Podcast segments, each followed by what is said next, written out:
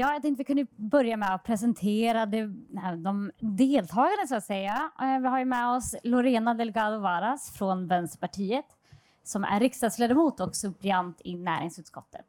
Och Kenneth G Forslund som är då ordförande i utrikesutskottet från Socialdemokraterna. Och Kerstin Lundgren, utrikespolitisk talesperson Centerpartiet. Joar Forsell, utrikespolitisk talesperson för Liberalerna. Och Gudrun Brunegård, biståndspolitisk talesperson Kristdemokraterna. Och så har vi Margareta Cederfelt, ledamot i riksdagens utrikesutskott för Moderaterna. Och vi ska börja med att blicka framåt och få en bild av hur ni ser på framtiden. Ni har alla fått en början på en mening som jag vill att ni ska avsluta. Och eh, ja, vi börjar med dig Margareta Cederfelt. Tack. Jag vill också tillägga att jag är även vice ordförande i den svenska delegationen till OSSE, Organisationen för säkerhet och samarbete i Europa, där jag också är vald till president för dess 57 länder, det vill säga den parlamentariska församlingen. Vad jag vill se och Moderaterna vill se med biståndet och utvecklingen i världen, det är en värld där mänskliga rättigheter respekteras, där människor kan själv välja sin livsväg och också respekteras för detta. Där det finns en möjlighet att påverka sitt liv och dess utformning. Ja, går vi vidare till Kerstin Lundgren, Centerpartiet. Mm, den eh, enskilt viktigaste framtidsfrågan har jag fått som eh, uppdrag att avsluta och det är klimatfrågan. Eh, och då har jag fått, just mitt parti spelar en central roll i framtiden för att behålla biståndet och utöka den. Eh, lägg till klimatbistånd och främja den demokratiska utvecklingen i världen, säger jag. Mm. Hej! Eh, jag vill bli ihågkommen som politiker för att jag lyckades att utrota TBC och fattigdom i ett, åtminstone, av världens låginkomstländer. Mm. Och eh, jag skulle vara stolt om jag som biståndsminister kunde vara med och reformera biståndet på ett sätt så att det räcker till ännu fler, att stärka fler demokratier, att hjälpa fler enskilda personer och länder ur fattigdom och till mänskliga rättigheter. Okej, jag har, också, jag har fått samma mening som Vänsterpartiet faktiskt. Eh, just mitt parti spelar en central roll i framtiden och faktiskt också för att prioritera demokratibiståndet och se till att vi fortsatt har ett, ett generöst bistånd där vi tar ansvar för, eh, på ett rimligt sätt i världen för att människor ska, ska få leva i frihet och fria från förtryck och ja, i demokratier. Jag tror att det är så vi når eh, de andra hållbarhetsmålen också. I alla fall är det ett viktigt, viktigt steg på vägen. Ja, läget i världen har ju förändrats mycket under den gångna mandatperioden. Eh, vi står nu inför en brant uppförsbacke i många av de globala utmaningar vi måste hantera. Eh, vi ser en tillbakagång i utvecklingen på flera områden. Fattigdom och hunger ökar, jämställdheten backar och demokratin är i, under hot i många länder. Samtidigt så pågår klimatkrisen och konflikter runt om i världen. Därför undrar jag nu, vilka av områden anser era partier att det är viktigast att prioritera i det svenska biståndet för att det ska göra störst skillnad för människor som lever i fattigdom och förtryck. Om vi börjar med Joar, Liberalerna. Ja, men det allra viktigaste är demokratin. Det, alltså jag, man kommer inte runt det egentligen. Det var, Liberalerna drev ju in demokrati, av demokratibeståndet i januariavtalet när vi var med i det. Och det är också en viktig fråga för oss eh, i det här valet att, att se till att vi kan, se, kan få demokrati i, större, i fler delar av världen, och i alla delar allra helst vi tycker också, vi har skrivit in i vårt valmanifest, alltså de, kort, de få frågorna vi går till val på, att vi ska värna enprocentsmålet. Eh, jag, tror att, eh, jag tror att det är viktigt att eh, reformera och fundera på hur man kan effektivisera och se till att ha en rimlig uppföljning av biståndet och så vidare. Men det går inte att göra det om man samtidigt sätter press på, eh, på bistånds, Sverige, biståndsvärlden genom att eh, skära ner. Eh, så att jag tror att det, är, det kommer vara en väldigt viktig del att oavsett vilka, vilka reformer som de andra partierna presenterar här, eh, vi prioriterar demokratin, men eh, så, så kommer det vara viktigt att också värna eh, enprocentsmålet eh, för att eh, kunna göra de förändringar som krävs av biståndet. För allt är inte perfekt, men kunna göra dem i lugn och ro helt enkelt. Tack. Eh, Gudrun, Kristdemokraterna. Mm. Från eh, vår sida så är enprocentsmålet också oerhört viktigt som ett medel för att vi ska kunna genomföra ett eh, gott bistånd. Men det övergripande målet, ja, demokrati är en del av det, men att, att bygga, stärka samhällen och hjälpa människor ur fattigdom, eh, hjälpa dem till självförsörjning, att kunna uppnå sina mål och sina drömmar eh, på ett vettigt sätt, att mänskliga rättigheter tillgodoses, att eh, kvinnor och barn får möjlighet till eh, skydd och utbildning och så vidare. Eh, det här är alltihop väldigt viktiga delar i att jobba för en, en bättre värld där människor eh, får komma till sin rätt i sitt närområde och inte ska behöva söka sig till andra delar av världen. Så eh, för ett bistånd för en eh, tryggare och stabilare värld helt enkelt. Kenneth, Socialdemokraterna?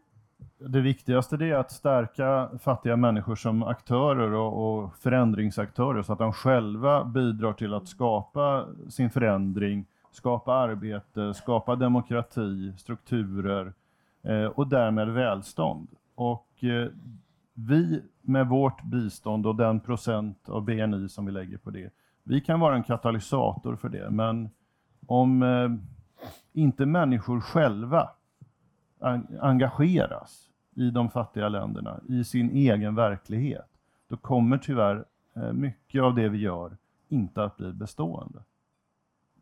Mm. Eh, ja, eh, vi tänker ju att eh, alla mål, det, hör liksom, det är så många punkter som hör ihop.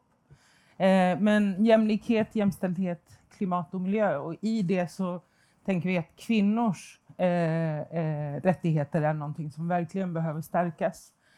Och det ger en sån effekt till samhällena också. Och där skulle jag vilja lyfta sexuell och reproduktiv hälsa. Mm, då är det jag, förstår jag. Ja, eftersom klimatet är den viktigaste framtidsfrågan så är det naturligtvis viktigt att se att vägen ur fattigdom är inte fossildriven. Eh, utan måste drivas av grön energi och eh, kantas av biologisk mångfald. Vi har eh, ju pekat också på vikten att eh, lösa fattigdom och hunger genom att effektivisera jordbruket och de reformer som krävs för att växla upp effektiviteten i jordbruket måste vara klimatsmarta. Vi säger också att vi ska ge bistånd för hållbara jobb eh, med särskilt fokus på småföretagare, unga och kvinnor. Och vår tredje prioritering är demokratisk utveckling och rättsstatens principer. Och det är naturligtvis så att kvinnor och barn drabbas hårdast eh, av bristen på rättvisa. Så där vill vi se en tydlig profil från vår sida när vi fokuserar. Tack! Ja, Margareta, Moderaterna. Tack så mycket. Ja, det har redan sagts väldigt mycket klokt här, men jag ska försöka sammanfatta vad vi säger utöver mycket av det som redan har sagts. Vi moderater, vi vill se demokratibiståndet som en viktig del i biståndet. Att kunna arbeta för jämställdhet, att kunna arbeta för mediefrihet, mötesfrihet, demokrati i dess viktiga utformning som vi har här i Sverige. Det måste också andra människor kunna få ta del av. Men det handlar också om att arbeta för att stödja människor i kris. Vi vet och vi kan se hur många människor det är som befinner sig i krigszoner idag. Eh, klimatet med de naturkatastrofer som finns och också svält. Vi kan inte lämna människor i akut behov av stöd därhän. Vi måste också stödja akut där det behövs. Men förstås, som jag nämnde, arbeta långsiktigt också. Tack.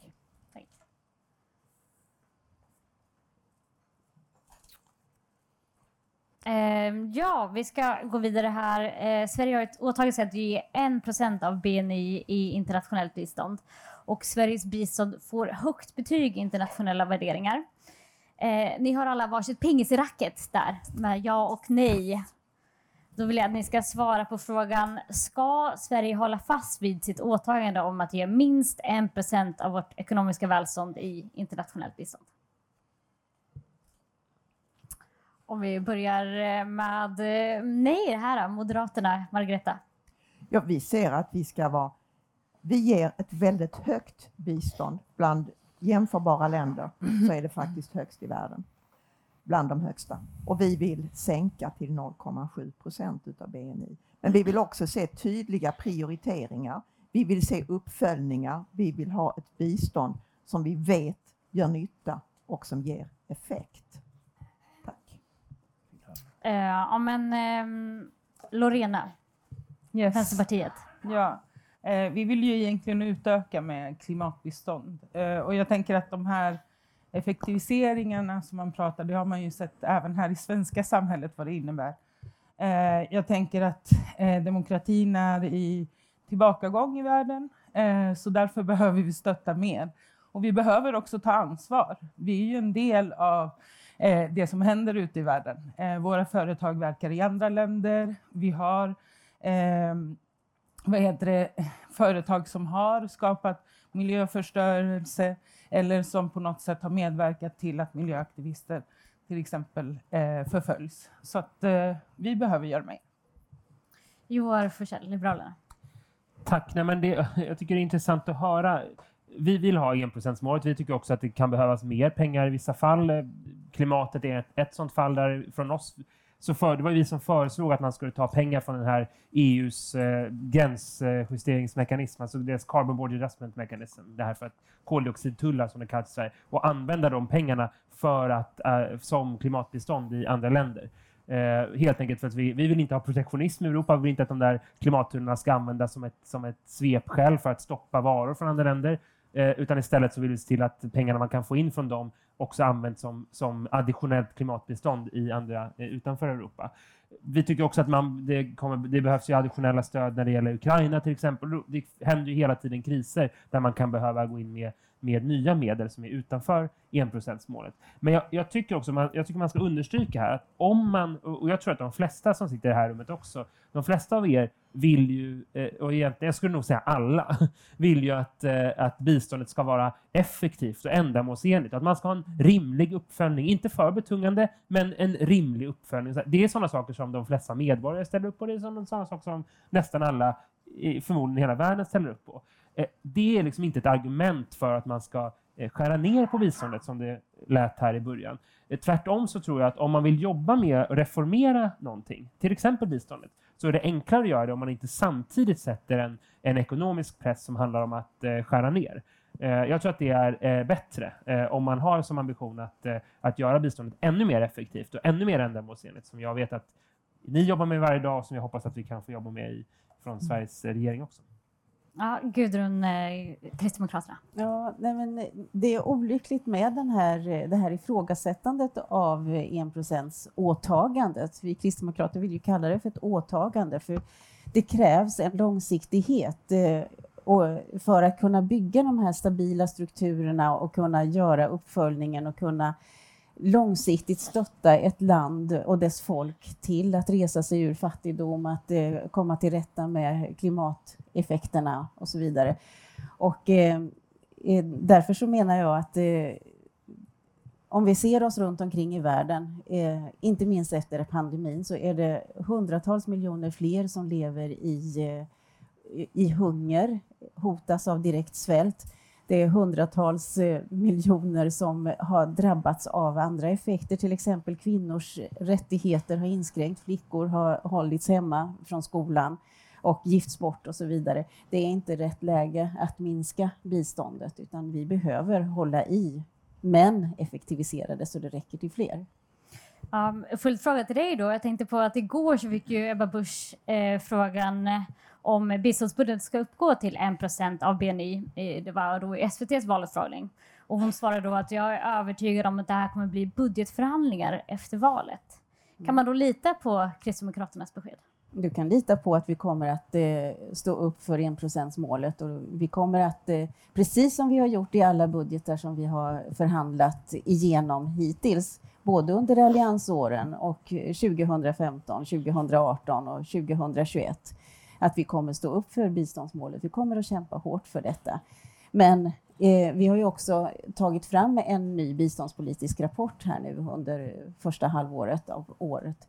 Och eh, där tar vi också fram ett antal konkreta reformer som vi vill göra för att effektivisera detta. Och, och det här tror jag att vi kommer att behöva jobba med för att övertyga Moderaterna då till exempel att de, de eh, eh, att de ser att det här är så pass bra och så pass hållbart långsiktigt så att eh, låt oss fortsätta på det här spåret och inte ändra på nivån. För den kräver långsiktighet. Kerstin, Centerpartiet? Ja, alltså jag tycker att det är spännande att lyssna till den här debatten.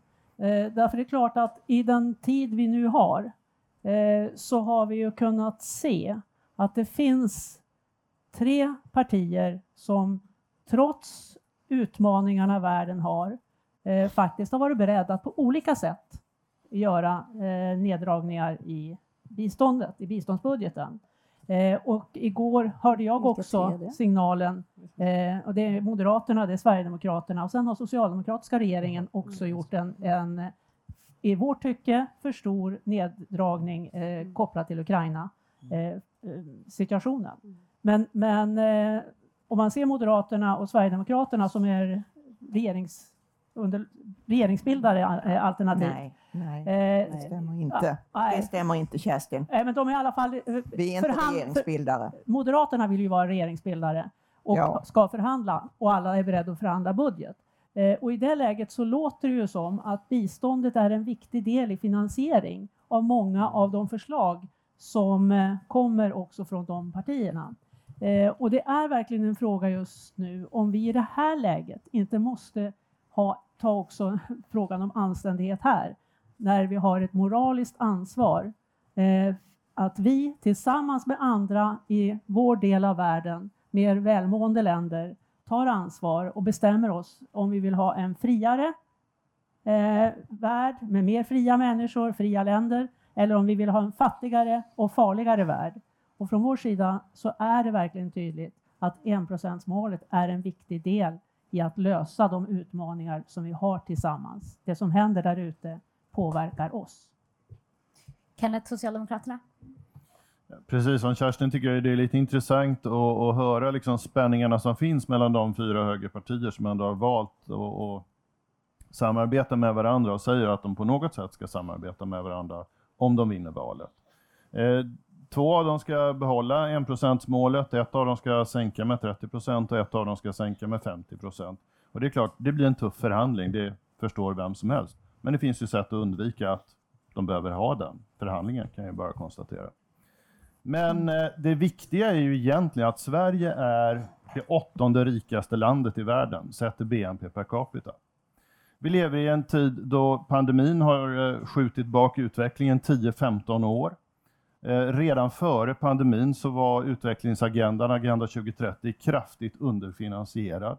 Fattiga människor skickar själva tillbaka mer pengar till sina hemländer och hembyar än vad vi i den rika världen totalt sett avstår i offentligt bistånd. Vad vi borde jobba med i Sverige och vad vi borde debattera, det är ju inte om vi ska pruta på biståndsnivån här eller inte, utan hur vi kan övertyga fler länder att också ge 1 procent. Ja, Gudrun, Kristdemokraterna. Mm. Nej, men eh, jag vill ta vid där Kenneth slutar. Eh, Vi har ett eh, moraliskt ansvar och Sverige har ett väldigt högt internationellt in- anseende tack vare att vi har hållit under så lång tid det här enprocentsmålet. Och vi kan se att Sverige har ju egentligen underutnyttjat den eh, styrka och det förtroende som vi har i form av inflytande i de internationella eh, organisationerna. Vi skulle kunna få ännu större påverkan på det hela, för det är en av de sakerna som jag hör att eh, eh, eh moderater till exempel kritiserar. Vi har för lite insyn i hur pengarna används. Och det är en av de saker som vi verkligen kan Eh, sätta press på. Vi lägger så här mycket, då är, förväntar vi oss att vi kommer att finnas med i de olika FN-organen på ledande positioner och så vidare. Eh, och eh, eh, vi, vi har en eh, förhandling framför oss. Men eh, det är ju självklart att eh, vi kommer att vända och vrida på allting. Men som sagt, det här är en, en fråga som eh, jag skulle vilja kontra Kenneths lilla eh, antydan om att är det så att man vill ha en ny regering, då vet ni vilka partier ni ska rösta på som står upp för en, ett bibehållet effektivt och eh, eh, generöst bistånd på en procentsnivån. Ja, Margareta och sen Joar, sen tänker jag vi går vidare. Tack så mycket. Jag vill först säga anständighet, det kräver att också hålla sig till vad som sägs i debatten och vad vi moderater har sagt. Vi har sagt tydligt vilka vi vill bilda regering med. Vi har också sagt att vi kan tänka oss diskussioner. Därför det finns inget parti som kommer att få 50 procent själv. Och där borde det väldigt intressant att höra vad Socialdemokraterna tänker om de ska bilda regering tillsammans med Vänsterpartiet, tillsammans med Miljöpartiet och Centerpartiet. Något mer diskussion om detta. Sen vill jag säga att alla talar här om långsiktighet. Vi vill ha en långsiktighet. Det är därför vi talar om en fyraårsbudget och fyraårscykel för att göra det möjligt att planera. Och uppföljningen, det är ju precis detta vi har sagt hela tiden. Riksrevisionen, som är riksdagens organ, har påtalat brister i stödet till FN, kärnstödet, där det inte finns en uppföljning. Självklart måste vi ha en uppföljning, det är skattebetalarnas pengar och vi ska göra ett bra arbete. Tack. Mm. En följdfråga till dig bara innan vi går över till Joar. Eh, ni i Moderaterna föreslår ju nedskärning med 30 procent inom biståndet. Men inom vilka områden vill ni då att biståndet ska dras ned på? Jag nämnde en fråga, handlar om kärnstödet. Men jag talade också om en fyraårscykel. Därför att idag är det väldigt många biståndsprojekt som inte vet om det kommer att bli en förlängning eller ej. Och där är det viktigt med långsiktigheten. Den är vi för. Tack! Joar, Liberalerna. Nej, men jag, det hettar till lite i debatten. Jag ska försöka att, eh, att eh, ta det lite lugnt är faktiskt i mitt inlägg. Eh, alltså så här, jag tycker att om man, om man, vill rösta, om man vill rösta i valet efter biståndspolitik, då tycker jag man ska lyssna på de enskilda partierna vad man vill göra i biståndspolitiken. Jag konstaterar att det finns, det finns på, på den sida som jag representerar så finns det olika åsikter. Vi vill bilda regering tillsammans med, med Moderaterna. Vi tycker att vi ska ha en moderatledd regering. Det finns olika åsikter. Eh, förra gången som vi hade regering tillsammans med Moderaterna och Kristdemokraterna och Centerpartiet så lyckades vi i förhandlingarna mm. se till att vi behöll biståndet. Det finns också på, eh, på Kennets sida av politiken, om man uttrycker sig så, för att låta så neutral som möjligt, eh, så finns det också olika åsikter. Det finns Socialdemokraterna som har visat att även när man inte har majoritet så kan man skära ner på biståndet genom avräkningar. Och sen, sen finns det till exempel Centerpartiet och Vänsterpartiet som, som står upp för enprocentsmålet eh, också, eh, också i praktiken. Och, och man, jag tänker att det, det, kommer vara en stökig period efter valet. Så är det. Och det kommer vara förhandlingar. Eh, men jag, eh, jag tycker ändå man, kan, man ska hålla sig till, eh, till vad varje parti vill göra. Vi vill bevara enprocentsmålet. Vi vill ha additionella medel när det gäller klimat och när det gäller till exempel Ukraina. Och vi vill prioritera eh, demokratibiståndet. Det är såklart inte det enda vi vill göra, men om man, om man diskuterar kärnan. För att vi tror att det är så man bygger en, en friare värld med fria människor. Tack. Tack. Vi ska gå vidare och prata om avräkningar. För regeringen beslutade då i april att ta 9,2 miljarder från biståndsbudgeten. Det här för att täcka kostnaderna för Sveriges flyktingmottagande från kriget i Ukraina. Det här var ett beslut som då innebar att regeringen skar ner på biståndet med nästan en femtedel. Sedan dess så har 4,2 miljarder återförts till biståndet efter att Migrationsverket har bedömt eh, att antalet flyktingar som beräknas komma har liksom sänkts, deras prognoser. Därför undrar jag nu vad ni i era partier tycker om att göra sådana här stora nedskärningar i biståndet, speciellt med tanke på att fattigdom och hunger i världen har ökat avsevärt. Eh, om vi, och Lorena, du fick angelägen. Sorry. Eh, ja, men vi tycker ju att det är helt fel väg att gå. Eh, det är ju pinsamt att Sverige är största mottagarlandet. Eh, Eh, sen tycker vi att eh, Sverige borde jobba för att fler länder ska bidra mer, eh, helt enkelt. Och eh, att minska biståndet har ju sina konsekvenser. Eh, många partier här pratar om flyktingfrågan. Eh, självklart är det så att stärker vi inte den demokratiska utvecklingen, dämpar vi inte liksom klimatkrisen och miljöförstörelsen, så kommer det bli fler personer som tvingas till flykt. Så att, eh, där tycker jag att eh, Socialdemokraterna behöver liksom svara vad de tycker om, om biståndet. Ska Sverige vara ett mottagarland? Och ska Sverige verka för att fler länder ska bidra? Ja, Kenneth, vill du, Socialdemokraterna, vill du svara på det? Ja, för det första så ska Sverige vara ett mottagarland för flyktingar och eh, Eh, vi bekostar med biståndsmedel mottagarna av flyktingar både i flyktingläger, inom länder och i nära angränsande länder och när flyktingar kommer till Sverige under det första året som de finns här. Eh, och det gör vi utifrån de internationella regler som OECD-DAC har slagit fast. Beräkningen var ju som ni hörde här att det skulle komma väldigt många flyktingar från Ukraina. Det har inte, tack och lov, eh, för ukrainska människors del varit så många som har behövt fly som vi trodde i de värsta scenarierna. Eh, det gör att regeringen har kunnat lägga tillbaka pengar. Eh, och eh, i en extra höständringsbudget som kommer att komma, jag antar direkt efter valet kanske då, så, så kommer summan att bli att vi kommer ner till att det blir ungefär hälften av de pengar vi trodde från början som behöver räknas av. Men det finns problem med det här. Och det är den ryckighet som det har skapat. Därför att det här inträffade ju en bit in i året och så tar det lite tid att forma beslut. Så att väldigt mycket pengar var ju redan utbetalade eh, och gick inte att röra, vilket gjorde att då fick man ge sig på det som ännu inte var utbetalat. Så att neddragningarna som man var tvungen att planera för blev ju ganska oproportionella och skapade konsekvenser som absolut inte var bra. Och här finns det faktiskt en poäng i det som Moderaterna säger om att ha en mer långsiktig planering. Eh, jag var i Norge och några andra från utskottet var med också då och eh, där gjorde man en slags tudelad väg. Man gjorde dels avräkningar för att klara flyktingmottagandet och, och kostnader eh, förknippat med kriget i Ukraina. Men man gjorde också så att man la till pengar därför att man konstaterade precis som vi att allt går inte att bromsa just nu.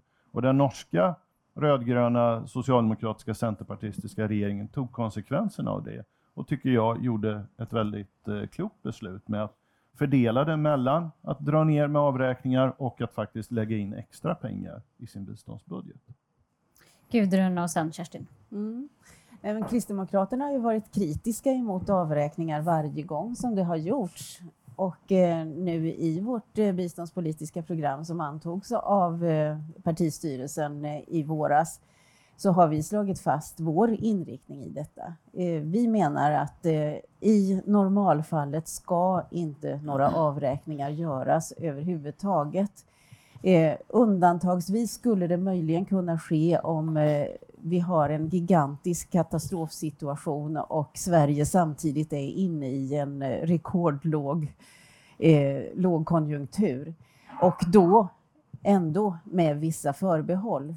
Eh, avräkningarna ska då inte uppgå till mer än eh, 10 procent och de ska inte få tas under ett innevarande budgetår som gjordes den här gången utan eh, det får komma i nästa budget så att eh, man, man kan avisera det men då får organisationerna bättre tid på sig att genomföra det hela eh, förändringarna så att det inte tar så mycket skada. Och eh, dessutom att man undantar de humanitära delarna av det hela. Mm. Så att det, vi vill lägga väldigt stor återhållsamhet på möjligheten bara i undantagsfall när inte när Sverige var i en högkonjunktur som i, i våras. Tack. Kerstin, Centerpartiet. Ja, vi hade ju också den här utmaningen tidigare och vi har ju från Centerpartiets sida eh, accepterat att det är möjligt att göra avräkningar och vi noterar OECD-DACs regelverk och den översyn som gjordes. Eh, jag ser att frågan kommer tillbaka om den, men där, där, eh, där är vi med. Däremot så eh, måste vi ju lära oss utav de erfarenheter vi har dragit. Och Kenneth är lite grann inne på det ändå nu då, att man måste undvika den ryckigheten. Därför det vi kritiserade väldigt var ju att när man såg hur läget var och ville göra den här kraftiga pre preventiva eh, neddragningen på prognos utan att veta eh, så, och insåg att det slog stenhårt mot klimatbiståndet, slog stenhårt mot civilsamhället eh, så var ju det verkligen, och det bilaterala eh, biståndet, så var det verkligen eh, tre områden som vi prioriterar. Så vi tycker att när man får den svaret, vad som blir konsekvensen, så borde man ha dragit öronen åt sig och haft mer is i magen. Eh, och eh, vara beredd att tillföra mer pengar i sådant fall om, om prognosen skulle eh, förverkligas. Eh, sen kan man ju alltid diskutera det här med, med, för det vi gjorde när vi hade tidigare neddragningar efter 2015 som vi var med och accepterade var ju till exempel att vi minskade eh, inbetalningar, eller vi sköt på inbetalningar snarare till eh, en del av eh, eh, bankstrukturerna till exempel, ASEAN och annat. Eh, och den typen av lösningar fick ju helt andra konsekvenser. Så man måste verkligen ha mera koll och läsa av om man nu ska göra avräkningar. Och vi är från vår sida beredda att göra det, men med varsamhet. Joar, Liberalerna. Men jag, jag börjar med att undersöka, jag tycker att det är, det är glädjande om diskussionen kan handla om detta. För, för, för det är klart att att man får göra avräkningar, det är ju sant. Vi har OECD-DAC-regler så att säga. Men jag menar, det är bara att titta på själva ens eget liv. Det är, inte bra, det är inte bra att göra allting man får hela tiden. Det är, inte, det är inte säkert att vi får göra det här i ett argument för att man borde göra det här. Och det är bra att diskussionen handlar om hur man kan på olika sätt agera på ett rimligare sätt, även om det såklart är så att man får göra avräkningar. Eh, men som sagt, man måste inte göra allt man får. Eh, sen så vill jag också säga att jag, jag, jag, uppfattar ibland som att diskussionen lite för mycket handlar om den här metanivån. Att eh, vi gör, av, vi gör liksom lite avräkningar, man får skära ner lite på biståndet där, eller lite där. Ja, alltså det är bara det att bistånd, ni som sitter här vet ju det. Jag, jag satt i styrelsen för Svenska Afghanistankommittén tidigare och det är klart att ska man, eh, och då, och då ser kanske politiken ser en stor organisation som, eh, liksom med långa anor och, eh, och mycket pengar och så här. Det är liksom en eh, stor Eh, komplex organisation i det som man ser från politiskt håll. Men i själva verket, om man ska börja skära ner, då är det ju någon enskild, en enskild person i en byskola någonstans i Afghanistan som inte kommer få finansiering och som står där med en massa kids som behöver utbildning. Alltså det är ju inte, det är inte så att man skär ner bara och så är det någon stor organisation som bara tar det och liksom absorberar den nedskärningen, utan det drabbar ju enskilda personer. Och pratar vi andra typer av bistånd, alltså pratar vi vissa typer av bistånd så är det, kan det vara barn som drabbas som inte får gå i skolan. Andra typer av bistånd så kan det vara en, någon, en, demokrati, en person som kämpar för demokrati som hamnar i en otroligt farlig situation därför att man inte har, har finansieringen med sig längre och därför att man är inne i projekt som måste avbrytas helt plötsligt och så vidare. Så att det är ju som, jag tror vi måste, jag tror vi som politiker måste också försöka prata om det här i, i, i de här konkreta termerna och försöka förstå det på det sättet. Att, eh, och det är också därför som det är viktigt att det inte blir de här, de här laggen och de här drastiska förändringarna, utan att man, även om man får göra det, inte alltid gör det, utan försöka hantera det på andra sätt som, eh, som, eh, som blir mindre ryckiga och mindre skadliga för de som faktiskt är biståndet på marken. Margareta Cederfelt, Moderaterna. Tack så mycket. Ja, vi står bakom det beslut som riksdagen har tagit om en avräkning från biståndet. Eh, vill också säga att det var väldigt svårt att prognostisera hur många människor som skulle lämna Ukraina, hur många som skulle fly. Det var det ingen, vare sig FN-organen eller EU eller enskilda länder som kunde prognostisera. En stor mängd flyktingar har gått till andra länder än Sverige och vi stödjer också att det har återbetalts bistånd, utav biståndsmedlen eh, som hade avsatts eller tagits för eh, flyktingarna från Ukraina. Men jag skulle vilja understryka en par saker till när det handlar om eh, de medel som har reserverats för flyktingmottagandet eh, på grund av kriget i Ukraina. Det är att det är i, helt i linje med OECDs DAC-linjer. Det är ingenting som bryter mot dessa. Men vad vi faktiskt har en skyldighet alla att göra här och nu i Sverige, det är att se till att de ukrainska flyktingar som har kommit hit kan lära sig svenska och kan få ett arbete, vilket de flesta vill. Det är personer som är vana vid att försörja sig och vill göra detta i Sverige. Och de många kan se på hur deras vänner, släktingar som har åkt till andra länder har en möjlighet till arbete, vilket många upplever att de inte har fått i Sverige. Jag vill också nämna att Ukraina kommer att behöva bistånd senare också för att återuppbygga landet. Vi kan alla se hur förstört Ukraina är. Och det måste vi också vara beredda på att hjälpa till med. Lika väl som det humanitära stödet till Ukraina idag därför människorna, ukrainarna, lider. Tack. Kenneth och sen så går vi vidare. Jag vill bara lägga till kort till det Kerstin Lundgren säger att skillnaden då mellan situationen 2015-16 och nu var ju att då kom det med en hårsmån in så att vi kunde hantera det i budgetbeslutet i december 2015 med lite extra möten och lite extra process i utskottet och så. Eh, därför kunde vi hantera det på ett eh, bättre sätt och, och eh, dröja då med inbetalningar till banker och, och sådana saker, vilket gjorde att det inte fick så dramatiska konsekvenser.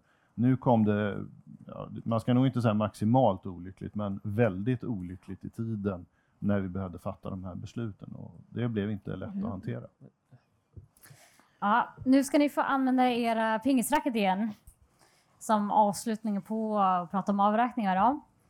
Borde det finnas ett tak på för hur mycket som får tas från biståndet för att bekosta flyktingmottagande i Sverige? Ja eller nej?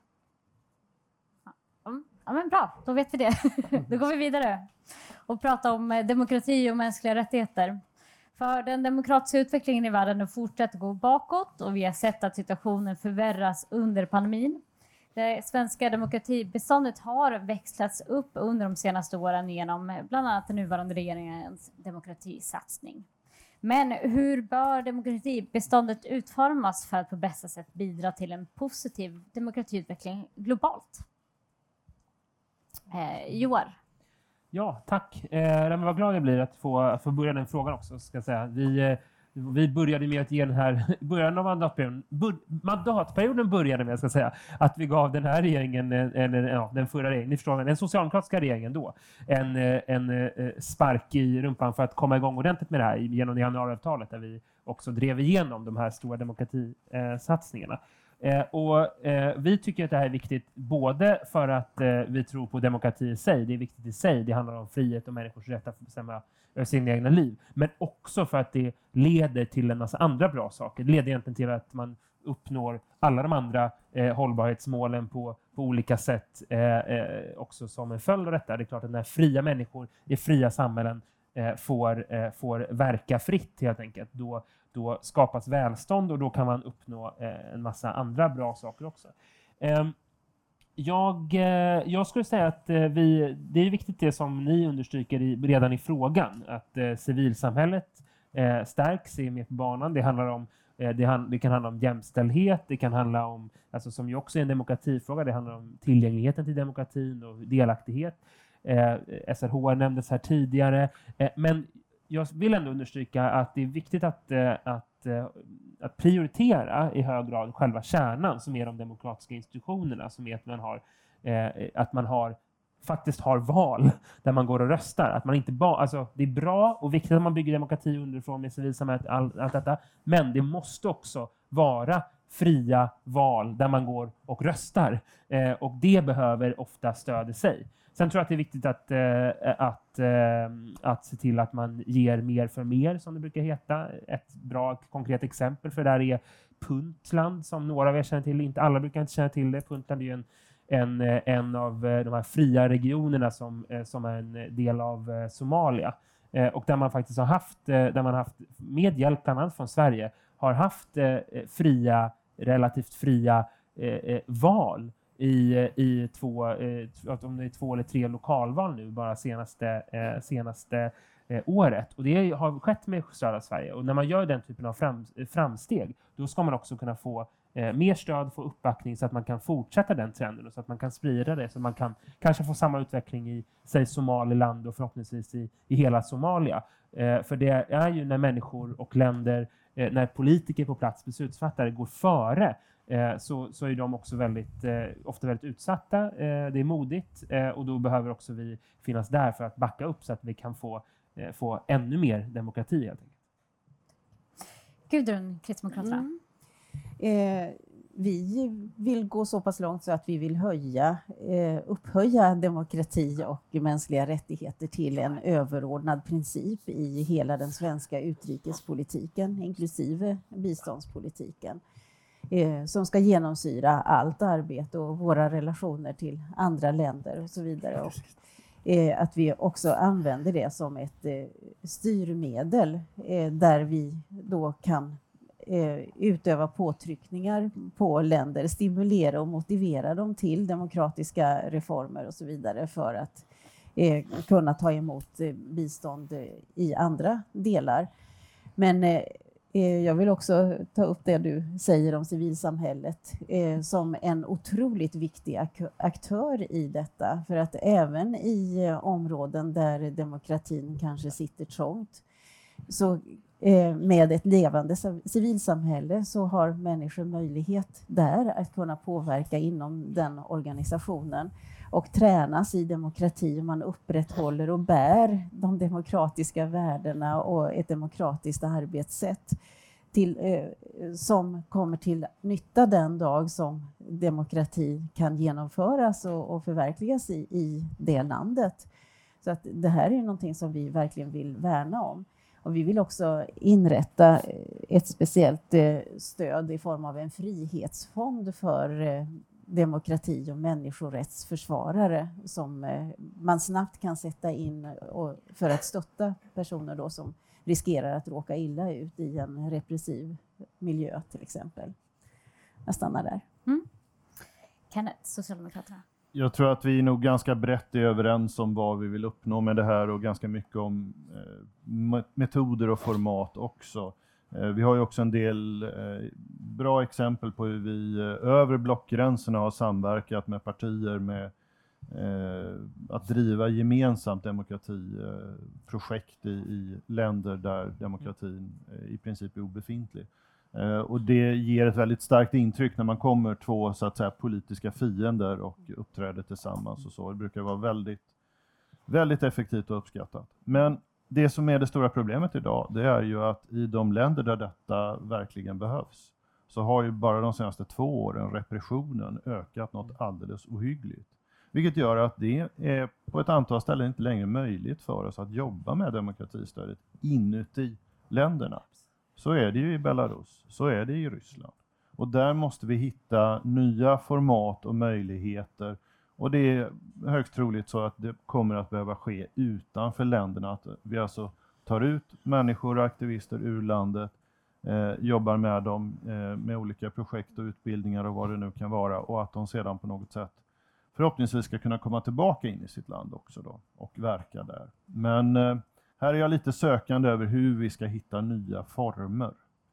Men jag tror att vi är ganska överens om ambitioner och format i övrigt. Lorena, Vänsterpartiet. Ja, vi tänker att i multilaterala sammanhang så ska man lyfta eh, områden som motarbetas som feminism, hbtqi-frågor och eh, demokratiska utrymmen och så vidare. Och självklart stärka civilsamhället. Och där tycker jag är väldigt viktigt att lyfta just att kunna ha den här flexibiliteten där man faktiskt inser att vissa organisationer knappt kan verka i de samhällen de lever i. Eh, och jag tänker att där kan man faktiskt också ta stöd av alla de flyktingar som har kommit hit till Sverige som har enorm kunskap eh, kring eh, de demokratiska organisationerna i sina hemländer.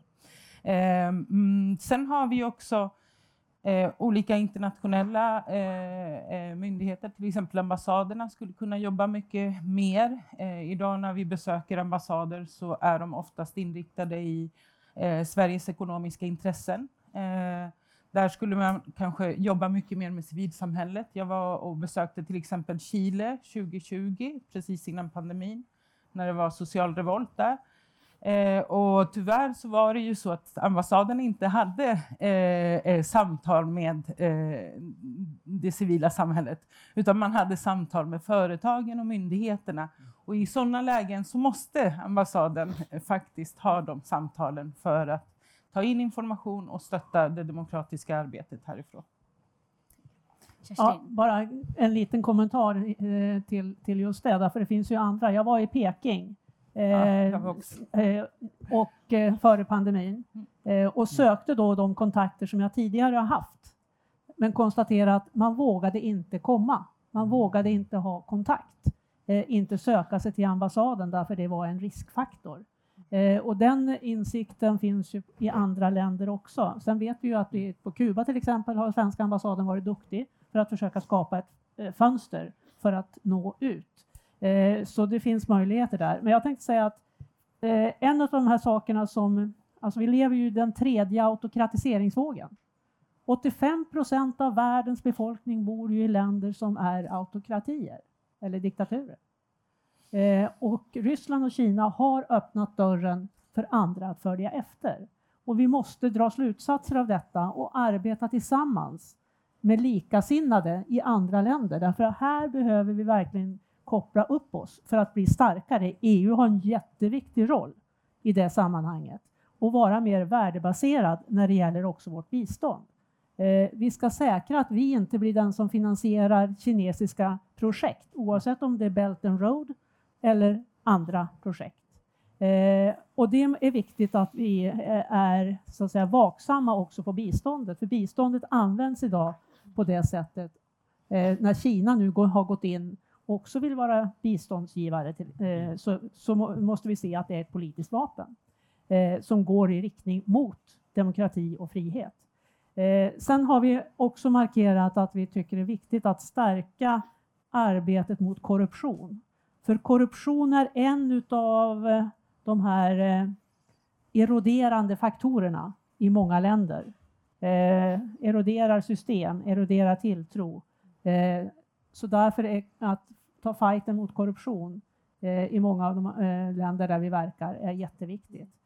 Eh, vi har också sagt att vi måste vara mer kritiska och titta på de multilaterala strukturerna. Jag vet att eh, Sida gärna ser att vi har högt eh, stöd via multilaterala strukturer.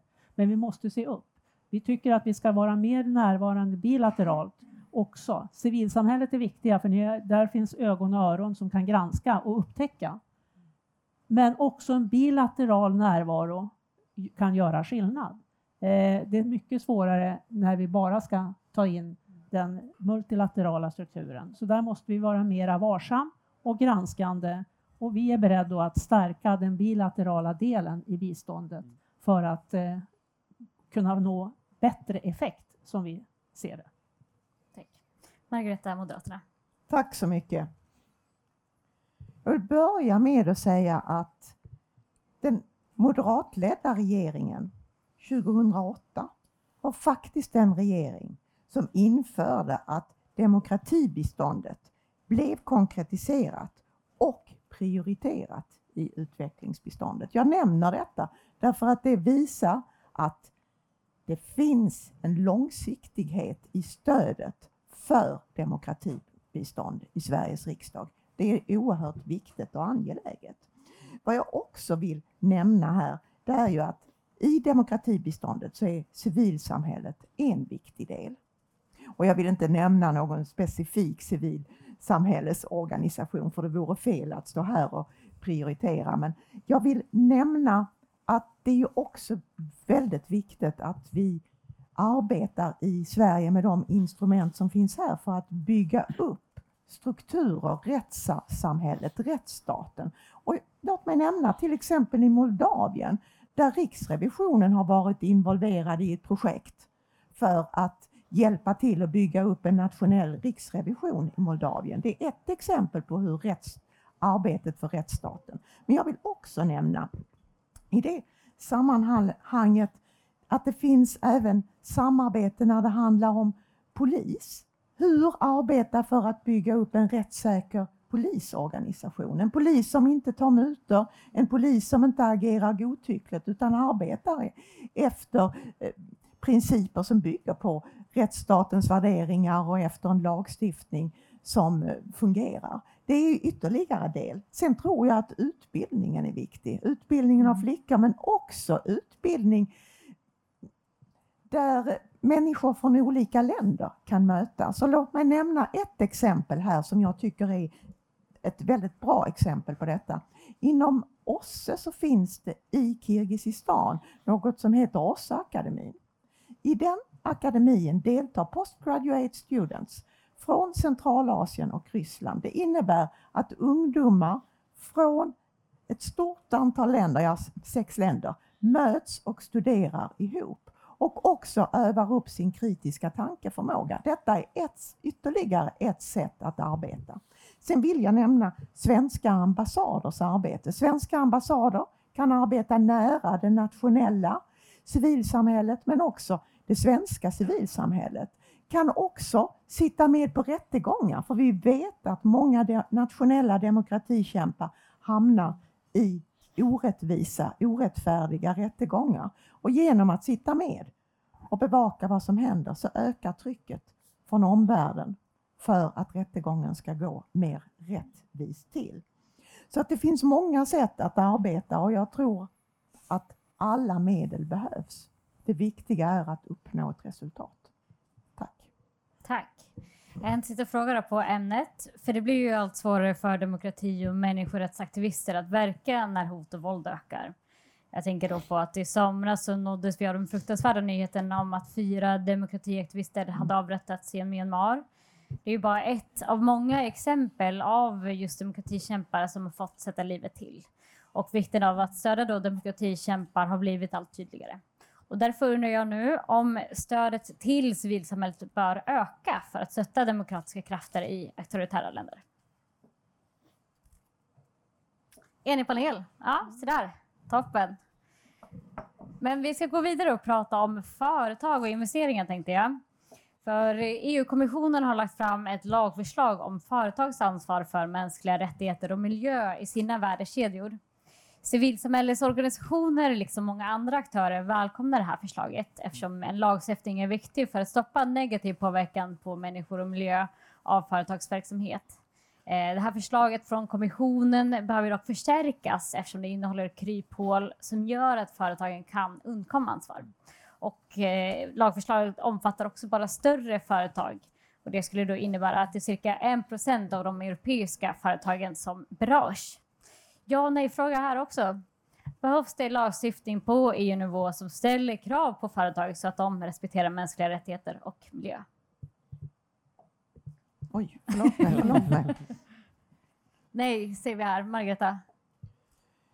Vi tror helt enkelt att lagstiftningen, den ska vara på nationell nivå.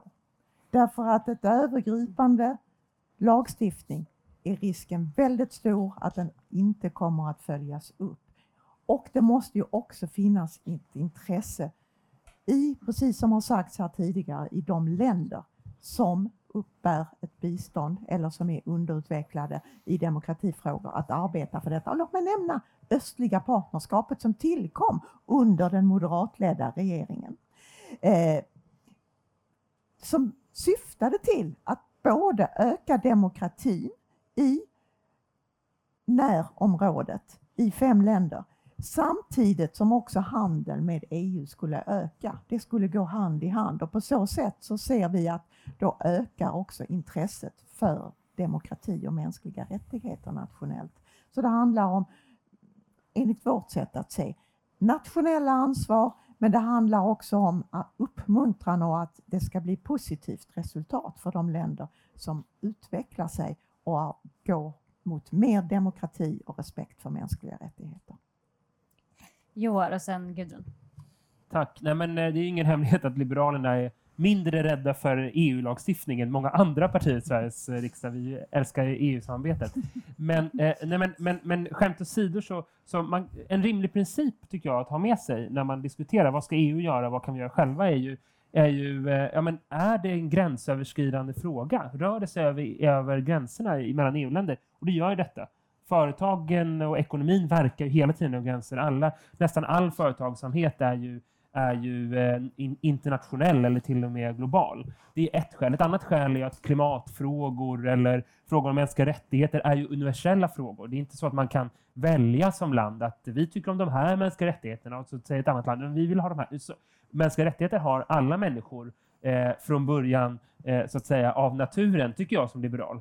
Oavsett vem man är och när man är eh, och så vidare. Eh, och då är det också rimligt att, eh, att vi har en, en gemensam lagstiftning för att följa upp och se till att, eh, att det här sköts. Jag satt i skatteutskottet innan jag satt i utrikesutskottet och där var det ju Liberalerna tillsammans med Kristdemokraterna och Vänsterpartiet som, som drev den här frågan om, om due diligence due diligence-lagstiftning. Det är nästan ännu svårare att säga på svenska, så jag kommer inte ens försöka.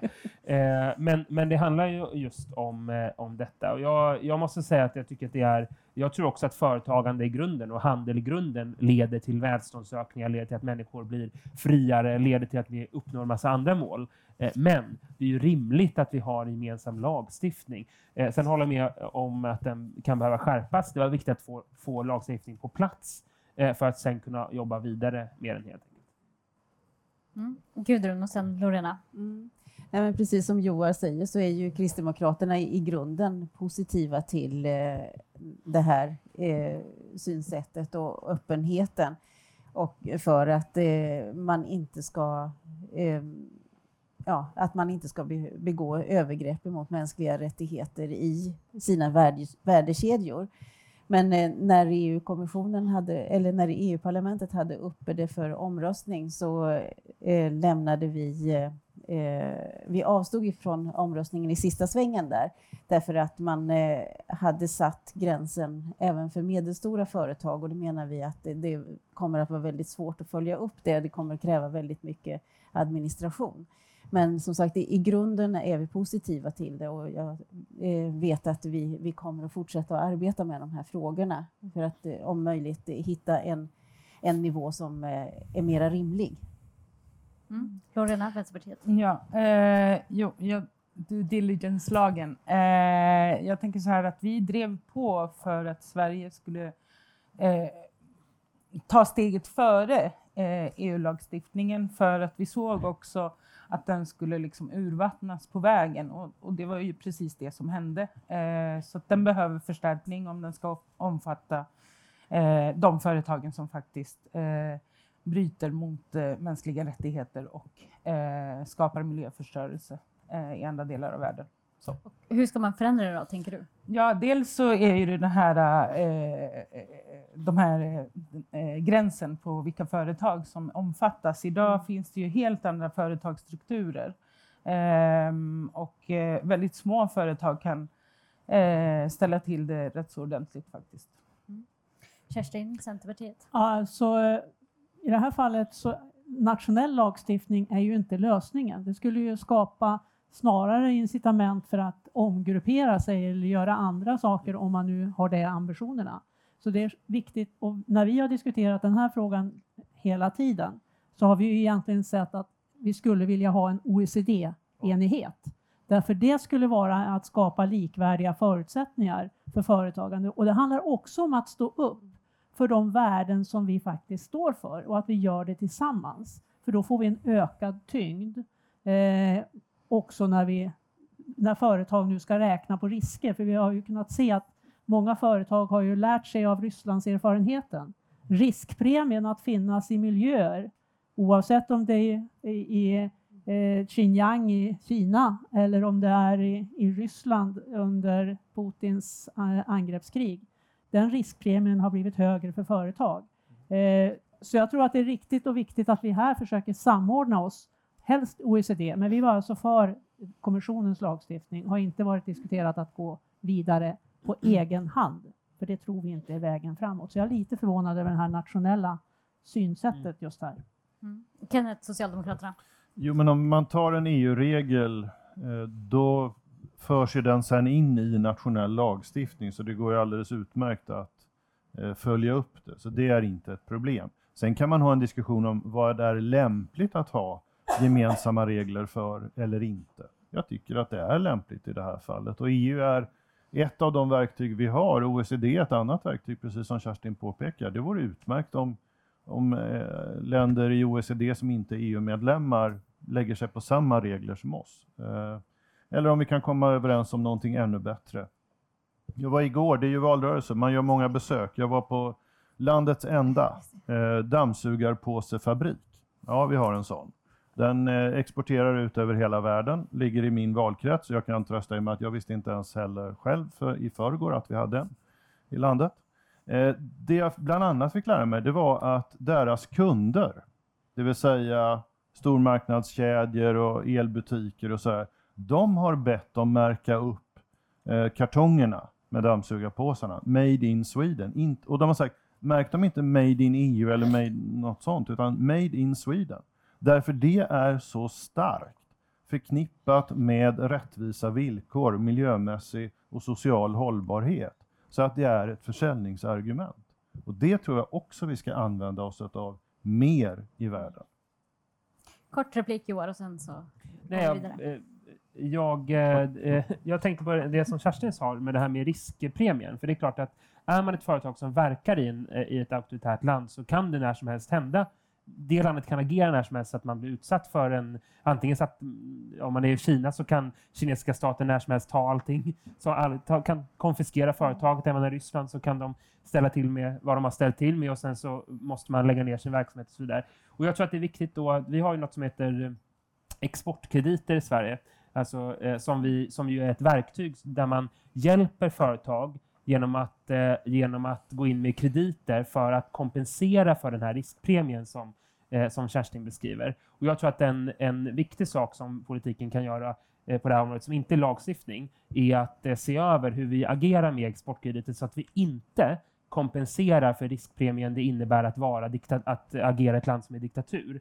För när vi gör det så blir det ju en indirekt eh, indirekt subvention av att vara auktoritär, av att vara diktatur. För det är klart att det landet tjänar ju på att eh, det finns företag som vill, eh, vill investera där, som vill eh, skapa arbetstillfällen och så i landet. Så vill vi inte eh, ha en indirekt eh, subvention till till exempel Putin eller till eller Belarus eller Kina eller vad det nu kan vara för någonting, Mm. då kan vi inte heller kompensera för risken som det innebär att investera i de länderna. Tack. En kort replik av Margareta, Moderaterna, och sen så går vi vidare. Eh, jag håller med eh, Kenneth G Forslund om det här med produktion, var en vara är producerad. För där kan vi ju själva också ta ställning som konsumenter. Vad är det vi vill handla? Och också kunna veta var en vara kommer ifrån. Och det är inte bara varan i sig, utan det kan också vara var materialet är producerat. Jag har noterat att det är väldigt många klädföretag som nu skriver ut både var varan är sydd och var textilierna är producerade och även var textilmaterialet kommer ifrån. Så att visst är detta nog ett instrument som är viktigt att använda och som där vi, jag tror det är viktigt också som civilsamhällesorganisationer uppmuntra företagare att se, i andra länder att kunna sätta ut var varan är producerad, vem det är som har gjort den. För att det är en kvalitetsstämpel, kan vara. Tack. Tack. Vi ska prata lite pension nu, för de svenska AP-fonderna de investerar idag i företag som tillverkar kärnvapen, eh, företag som står åtalade för medhjälp till folkrättsbrott och även är några av världens största fossila bolag. Det investeras också i verksamheter som bryter mot internationell rätt och företag som upprepat anklagats för kränkningar av mänskliga rättigheter och miljö. Ja och nej-fråga här med era pingisracket. Då undrar jag, behöver hållbarhetskraven i regelverken för första till AP-fonderna skärpas? Ja, det, det, jag säger så här därför att Ja, så började vi Margareta. jag, jag skulle vilja säga att vi moderater, vi driver idag inte no, några frågor som handlar om att skärpa regelverket. Men det är ju inte detsamma som att vi inte kommer att göra det i framtiden. Men för tillfället så driver vi inte de frågorna. Och det är osäkerhet i världen och det råder otrygghet. Och eh, därför så har vi inte heller tagit ställning till att börja skärpa de reglerna. Tack. Eh, Ja, men eh, Kenneth, Jo, men jag tror att man måste ju med regelbundenhet se över eh, sådana här regler eh, för statliga bolag och AP-fonder. Eh, jag menar, verkligheten utvecklas hela tiden, man måste utveckla reglerna med det, så, så självklart måste det ske översyner. Eh, sen är ju frågan hur man ska dra gränssnitten. Jag menar, ta ett företag som AB Volvo.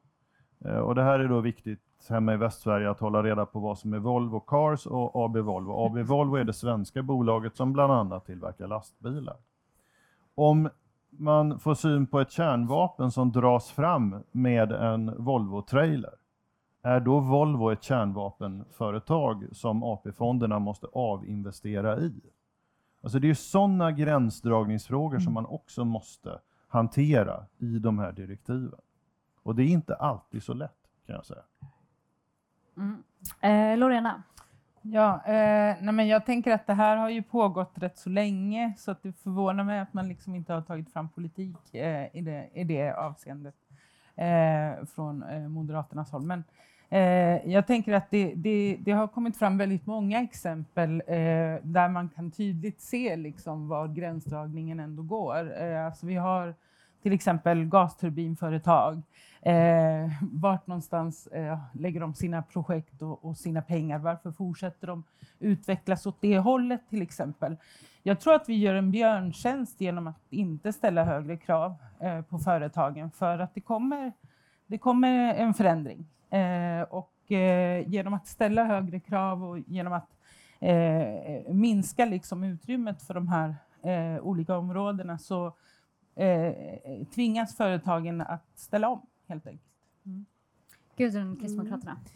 Ja, alltså jag ska erkänna att eh, jag är inte insatt i den här frågan. Men eh, alltså, frågor om eh, hållbarhet och rättvisa i utvecklingen, det är ju viktiga frågor för partiet och för svenska folket. Och precis som eh, andra är inne på här, eh, det kan vara nödvändigt att göra översyner och så vidare. Så att det, ja, jag var lite svajig där. Det var för att det, ja, det, det, kanske är rimligt, men jag vet inte exakt vad som är Kristdemokraternas politik i den frågan. Nej. Kerstin? Ja, alltså vi har ju svarat på en enkät allihopa. Och I den enkäten så har vi sagt nej här utifrån att Riksrevisionen gjorde en utvärdering 21 och de tyckte då att eh, Eh, hållbarhetsarbetet bedrevs ändamålsenligt. Men efter 21 har det ju hänt en del. Eh, och vi har all anledning, tycker jag, att titta på frågorna när det gäller eh, medhjälp till folkrättsbrott i det här skedet.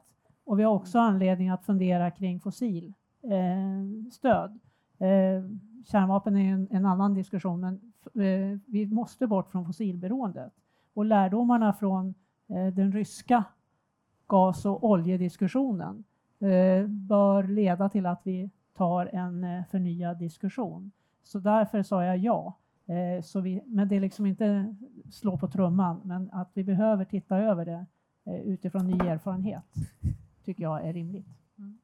Joar? Men jag, jag ska säga, jag stod och så svajade lite så här, så jag får, eh, jag får eh, Eh, erkänna det. Eh, men, men, men, och skälet till att jag gjorde det är lite samma, lite samma skäl som både Socialdemokraterna och, och Centerpartiet. Jag tror att vi svarade ja på den här enkäten. Eh, och det beror ju på, tror jag, jag, jag, minns inte riktigt, men det beror ju dels på de svårigheterna som kan finnas och dels på att, och för att det här behöver ju alltid uppdateras. Jag tror också att min bild är också när man pratar med människor som jobbar inom de här branscherna, att det är ett ökat fokus på detta och mm. att det är snarare är politiken som är efter och ofta, ofta de som ägnar sig åt, åt den här typen av förvaltande som Eh, som går före. När man pratar med ens vänner som, eh, som eh, ser av sina, sin pensionssparande så är de också i regel mer liksom, längre fram än politiken är. Sen så Sen så är det väl en viktig signal till politiken att det, det, fortfarande kan vara lönsamt att göra investeringar i fossilt. Det är ju ett problem. Att det fortfarande kan vara lönsamt att göra investeringar som, som kränker mänskliga rättigheter till exempel. Det är ju ett problem och de sakerna måste vi ju eh, motverka jag tror sammanfattningsvis att det, att det, finns, det finns goda skäl till att, eh, eh till att göra detta, eh, till att eh, skärpa till det. Eh, men jag tror också att vi samtidigt måste jobba med politikens andra verktyg för att göra, för att göra det olönsamt så att säga, för de andra också som inte väljer att eh, ställa om på det här, på det här sättet. Tack. Tänker vi går vidare till vårt sista ämne, nämligen utvecklings och klimatfinansiering. För låginkomstländernas förutsättningar att finansiera hållbar utveckling har ytterligare försvårats. Finansieringsgapet som fanns redan innan pandemin är nu ännu större. Förbättrad finansiering är avgörande för att kunna vända tillbakagången i utvecklingen som pandemin har resulterat i. Och här är biståndet bara en av flera viktiga resurser. Skatteintäkter, skuldhantering och privata investerare det är också centrala delar. Eh, men då undrar jag, vilka, vilka förslag driver era olika partier för att andra resurser utöver biståndet når de mest utsatta och bidrar till hållbar utveckling? Om vi börjar med, ja, Kerstin. Alltså från vår sida så har vi ju markerat vikten av att vi krokar arm, att biståndet utnyttjas som hävstångseffekt För det är alldeles uppenbart att vi inte klarar utmaningarna ännu mera nu än när vi slöt överenskommelsen om Agenda 2030. Eh, vi klarar inte med biståndet att, att hantera detta själva. Eh, utan vi måste kroka arm och där handlar det om att kroka arm akademi, civilsamhälle, näringslivet men också värderingsstyrt eh, kroka arm med våra likasinnade för att kunna tillsammans göra skillnad eh, på effektivaste sätt. Eh, och eh, vi vill se mm, fler eh, exempel, typ eh, clean tech för ett bättre klimat, skapa hållbara jobb i utvecklingsländer, förbättra arbetsvillkor och så. Och att man eh, arbetar tillsammans eh, brett för att eh, förstärka och där biståndet blir en hävstång för investeringar i hållbar utveckling. Gudrun? Ja, nej, men vi är ju inne på liknande tankegångar, att eh, vi behöver använda ännu fler vägar att eh, kunna finansiera långsiktigt bistånd. Och där har vi ju Swedfund som en eh, viktig aktör som har möjlighet att eh, med längre finansieringshorisonter eh, finnas med eh, jämfört med våra ettårsbudgetar och, och lite längre planer.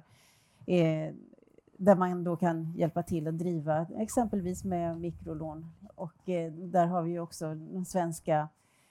Åh, oh, nu tappade jag ordet. Men, ehm, men vad heter det? Det som vi, vi, vi Riksrevisionen gjorde en, eh, en granskning förra året och eh, visar Garantifonder, exakt. Tack så mycket.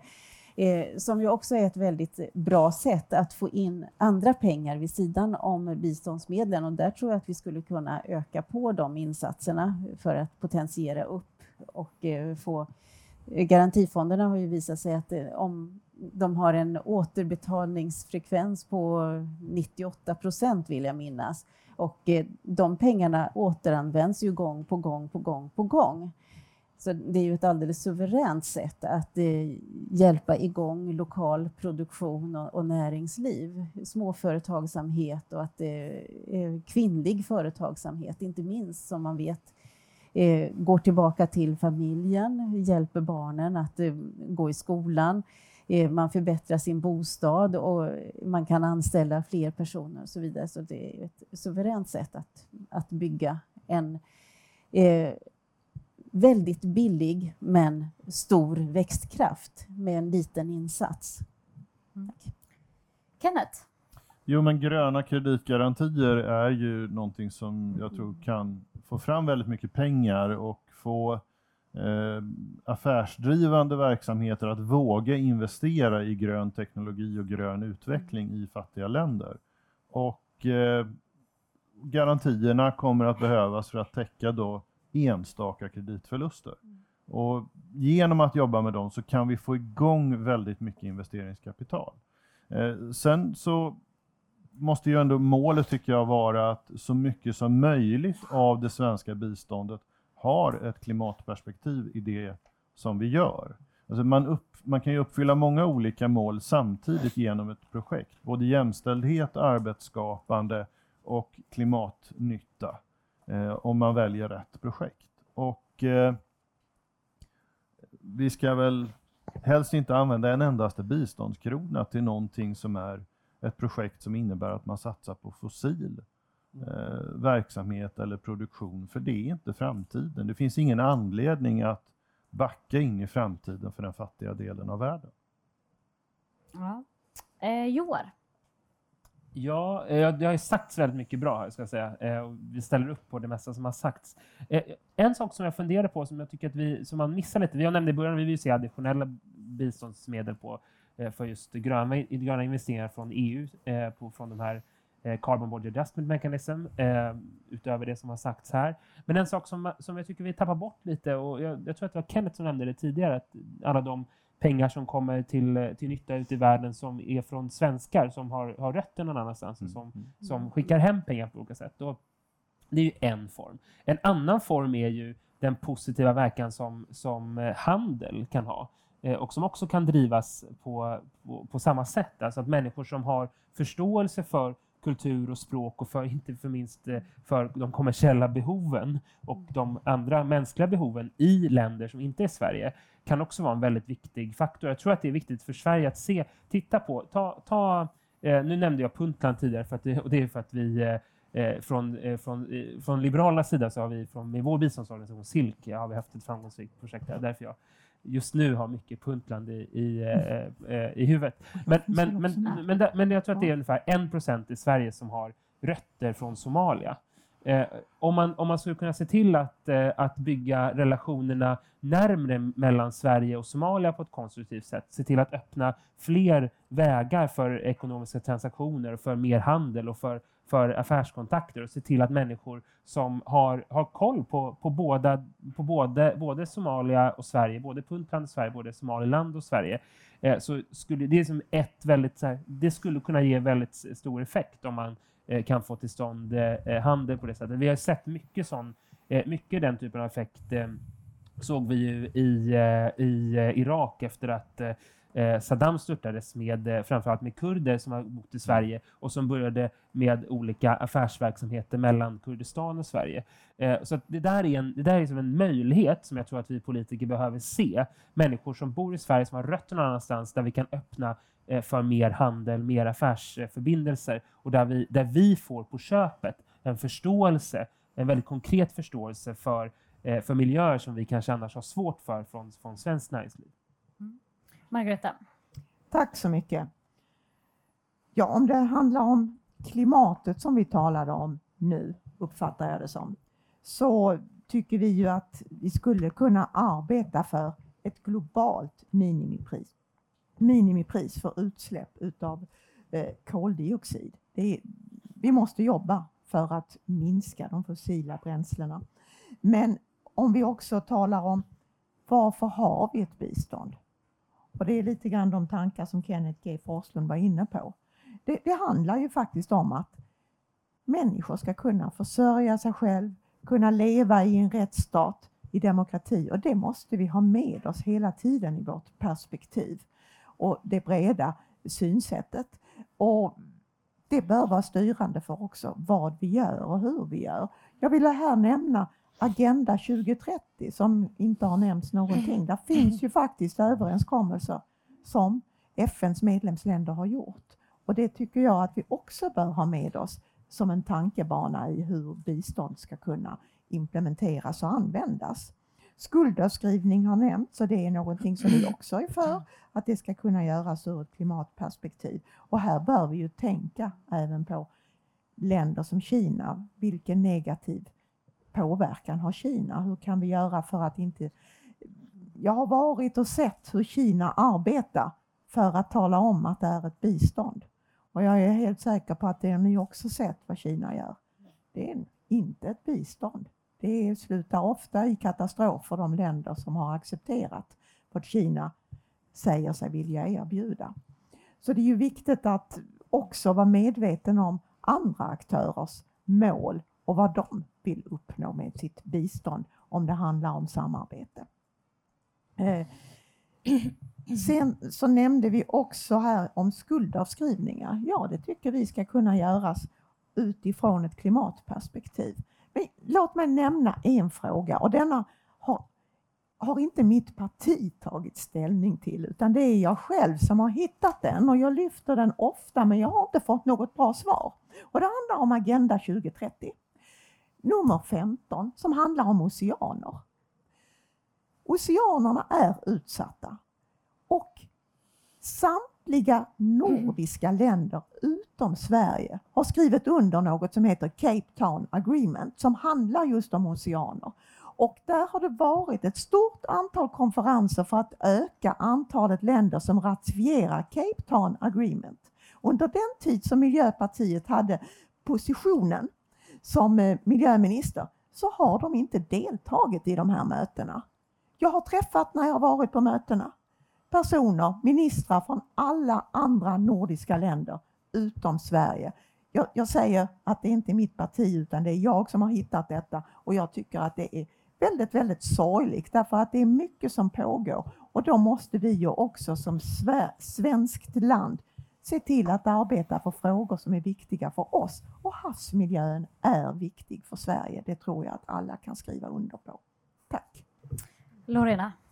Ja, eh, jag tycker att man ska modernisera handelsavtalen till exempel. Eh, idag så är det ju det primära i handelsavtalet det är de ekonomiska intressena.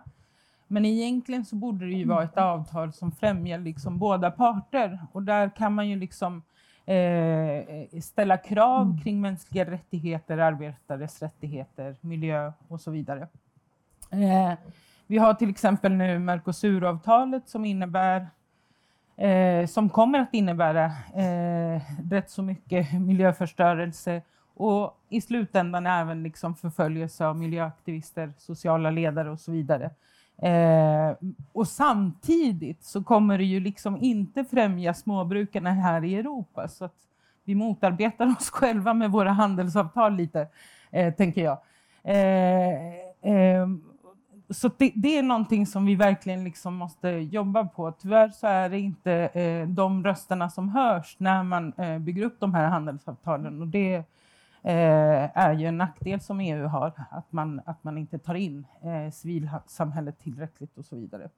Eh, det andra jag tänker på är ju att eh, bli bättre på att använda våra krediter och våra liksom, ehm, eh, vad jag skrivit, vänta, eh, garantier eh, till vad de används och så vidare. Eh, men också eh, patenträttigheterna bör vi fundera kring. Eh, de miljötekniska lösningarna som vi har här, hur kan andra länder ta del av dem? Eh, hur för vi över liksom, kunskapen eh, om dem till andra länder och så vidare. Och även nu när, under pandemin så såg vi ju läkemedlen. Hur kan vi liksom främja det? Så sådana frågor tänker jag. Mm. Och, eh, jag tänker att vi får sätta punkt eller har vi tid för mer? Titta på någon. Ja, jag hade en kort ja, en kort replik. Ja, alltså, eh, jag tänker att vi måste ju verkligen stå upp för klimatmålen eh, här hemma. Därför att om vi sviker klimatmålen här hemma så blir vi en dålig förebild för andra. Och här måste vi också fortsätta att arbeta internationellt med eh, att värna det. Vi ser ju, jag, så, jag nämnde ju de här 85 procenten som lever i auktoritära stater. Och det är klart att när vi har stater som eh, Brasilien under Bolsonaro eller andra som säger att klimatet är ingen fråga, eh, då hamnar vi i ett svårt läge. Eh, och då måste vi återigen jobba tillsammans för att värna bilden att klimatet är en utmaning för mänskligheten, den stora utmaningen. Och vi måste också visa att vi tillsammans står upp för att göra skillnad. Eh, annars så kommer vi att missa målen oavsett vilka vi jobbar med. Eh, eller vilka frågor vi jobbar med. I Sverige, små företag ska vi inte glömma bort. Det finns många små företag med stora lösningar och de måste inkluderas i system. Eh, ofta är det de stora företagen som eh, man tar in, men många små företag. Också glöm inte bort i de här auktoritära staterna att kunna aktivera människor för att hitta lösningar på sina problem. Där kan klimatet vara en hävstång också eh, för att komma in och skapa medvetenhet om att man själv som medborgare kan åstadkomma förändring. Tack så mycket. Kerstin Lundgren och eh, så har vi ju haft Margareta Cederfelt, Lorena Delgado Varas, Kenneth G Forslund, eh, Gudrun Brunegård och Joar Forsell. Tack så mycket. Och tack till er i publiken.